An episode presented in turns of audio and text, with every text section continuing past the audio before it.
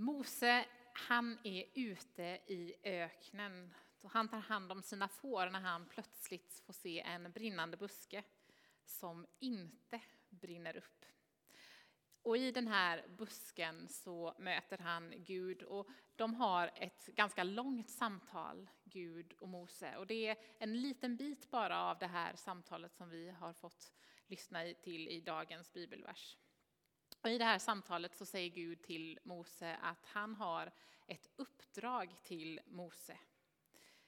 Att han ska befria Israels folk ur slaveriet i Egypten. Men Mose, han vill inte. Han är rädd och han ifrågasätter varför skulle någon överhuvudtaget tro honom när han säger att Gud har sänt honom. Mose, han tycker inte om att stå framför folk, ser sig inte som någon talare och än mindre någon ledare. Gud, han måste tänka om, tycker Mose. Han har valt fel person. Men ni som har läst den här texten förut i era barnbiblar eller vad det nu kan vara, och så hela vägen upp. Eh, ni vet att Gud, han ger inte med sig. Det är Mose som han vill använda sig av till att befria Israels folk och ingen annan. Men trots Guds uppmuntran så fortsätter Mose att envisas. Och det här samtalet det liksom böljar fram och tillbaka. Men till slut, efter att Gud har Kanske väljer han sina strider som varje god förälder vet att man ibland måste göra. Vad vet jag? Han lovar i alla fall att Mose ska få hjälp av sin bror Aron. Då till slut säger Mose ja till Guds kallelse. Och i den här texten, eh, åtminstone jag tycker att det är väldigt lätt att liksom relatera till Mose i den. Jag tror att vi är flera som fungerar ungefär som honom. Vi kan tvivla på vår egen förmåga, eh, är väl medvetna om våra brister, tycker att, nu blev det ljust helt plötsligt, fantastiskt. Vi tycker att eh, dessutom att vi har det rätt bra som det är. Vi är inte så modiga alla gånger och ser kanske också med viss skepsis på förändringar. Mer än någonting annat i den här texten så tänker jag att Mose är både orolig och lite rädd. Det är inte ett speciellt Eh, det är ju inget hjälteporträtt direkt av Mose i den här texten.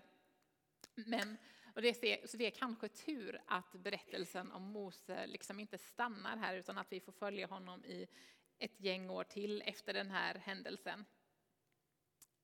Och genom de här kommande åren så förändras någonting långsamt inom Mose. För genom Moses liv så verkar Gud inte bara liksom genom Mose utan också inom honom. Temat för den här gudstjänsten är friheten i Kristus. Och när man hör det här temat, friheten i Kristus och Mose, det är lätt hänt då tror jag att vi liksom hoppar framåt i historien till Israels befrielse från slaveriet i Egypten. Det är verkligen frihet. Men jag tror att det finns en annan aspekt av det här temat gömt i den här texten som är minst lika viktig. Nämligen den befrielse som Mose personligen fick uppleva. I den här texten som vi läste precis så är Mose som sagt var både orolig och rädd. Han är fylld av dåligt självförtroende, tvivel på sig själv. Men tack vare Gud så är det inte den Mose han kommer vara för alltid. För Gud tar med Mose på en resa, en inre resa där han långsamt lär sig att lita på Gud och förstå vad det innebär att gå tillsammans med honom. Men för att gå tillbaka till dagens text, när Gud först kallar Mose så säger Mose nej. Och det kan man ju förstå. Uppgiften som Gud ger honom är ju enorm. Och samtidigt kan jag inte hjälpa att fundera på, hade det hjälpt om uppgiften hade varit mindre? Jag vet inte det. Moses stora problem i den här texten verkar snarare vara att han liksom har fastnat med blicken på sig själv snarare än att fästa den på Gud. Och när han gör det, när han bara ser till sig själv och sina begränsningar, eller då ser han ju bara sina begränsningar helt enkelt. Och han blir rädd. Vägen framåt Eh, fortsätter han hos sina får, ja men då vet han ungefär hur hans liv kommer att se ut. Väljer han den här nya vägen, då är det ovisst. Och det finns, tror jag, en oro i Mose inför vad det här nya vägvalet kommer att, liksom, vad kommer det att föra med sig? Hur kommer det att gå? Är du en sån som oroar dig över det som liksom är nu eller det som är längre fram? Och vad gör du då med den oron? Jag tror att vi är många som då och då, kanske även nu, oroar oss över saker på ett personligt plan. Bråk med någon man har en nära relation med kanske. Inflationen. Jag kan inte vara den enda som oroar mig över den. Man kan ha svårt att ha råd med både det ena och det andra. Eller kanske de val, de beslut som vi som församling står precis på tröskeln nu idag till att fatta. Hur ska det gå med det? Eller en annan oro så här i valtider. Vart är samhället på väg egentligen? Jag tror inte att jag är den enda som har reagerat på språkbruket hos våra politiker där åsikter som förr brukade höra till den yttersta högerkanten blivit nästan mainstream i alla fall. Och där frågor om klimat bara helt verkar ha glömts bort. Ja, vart är vi på väg? Det är lätt att känna oro. Mose i alla fall, trots sin oro, trots sin rädsla, går till slut ändå med på att återvända till Egypten för att rädda Israels folk. Och vad är det då som får honom att gå med på Guds plan? Det är inte att han i förväg får reda på exakt vart den här resan kommer att sluta. Framtiden, den är fortfarande höjd i dunkel. Det som Mose gör, och jag tycker att det verkar som att han gör det ganska mycket utan att liksom reflektera kring vad det är han gör. Det är att han i sin frustration och i all den här oron i den här situationen vågar vara helt ärlig med Gud. Mose berättar i detalj exakt hur han tänker och känner, så till den grad att han nästan blir obstinat. Men Mose är sann och jag tror att det är det som är det viktiga. Sanningen oavsett hur liksom ful eller hur oandlig den kan verka, för oss alltid närmare Gud. Gud är kärlek. Och I första Johannesbrevet står det att rädsla finns inte i kärlek, utan den fullkomliga kärleken fördriver rädslan. Rädsla finns inte i Gud. Utan den Gud som är fullkomlig fördriver rädslan, skulle man också kunna läsa den versen som. Och Gud, han har lovat att vara med Mose och verka i honom och genom honom. Det är i Guds kraft snarare än i sin egen kraft som Mose får gå. Jag ställer min fråga igen. Är du en sån som oroar dig? Och vad i så fall gör du med den oron? Jag skulle vilja uppmuntra dig, och jag uppmuntrar även mig själv i detta, att eh, göra precis så som Mose göra, gjorde. Berätta för Gud hur du känner, vad du tänker, vad som pågår i ditt inre. Eftersom Gud är sanning och det sanna och liksom ärliga samtalet, det kommer alltid att leda oss närmare honom.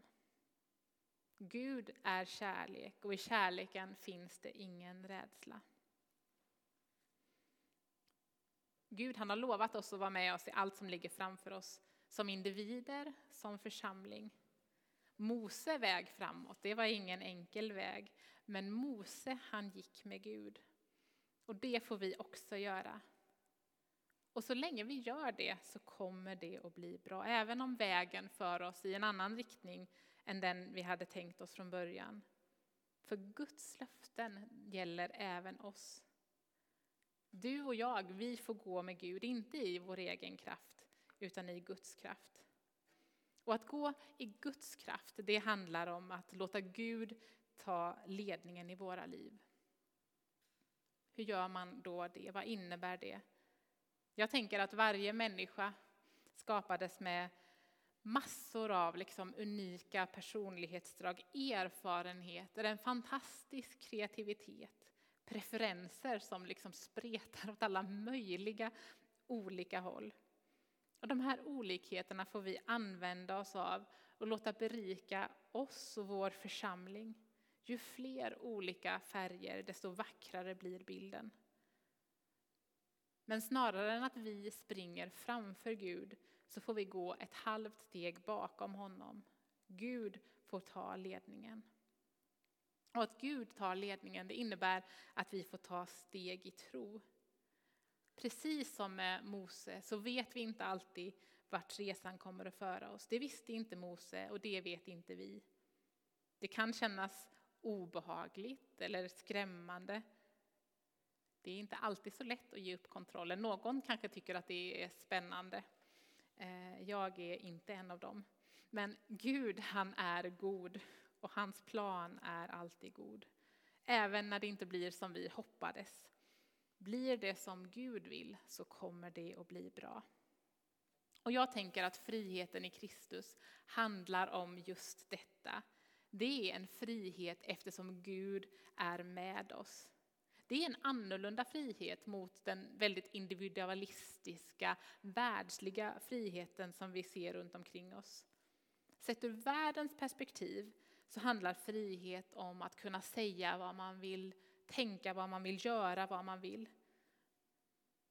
Det kanske låter jättebra, tänker någon, men jag tror att det också kan bli en ganska ensam och utlämnande frihet eller ångestfylld. För tänk om jag gör fel, tänk om jag fattar fel beslut, tänk om jag misslyckas.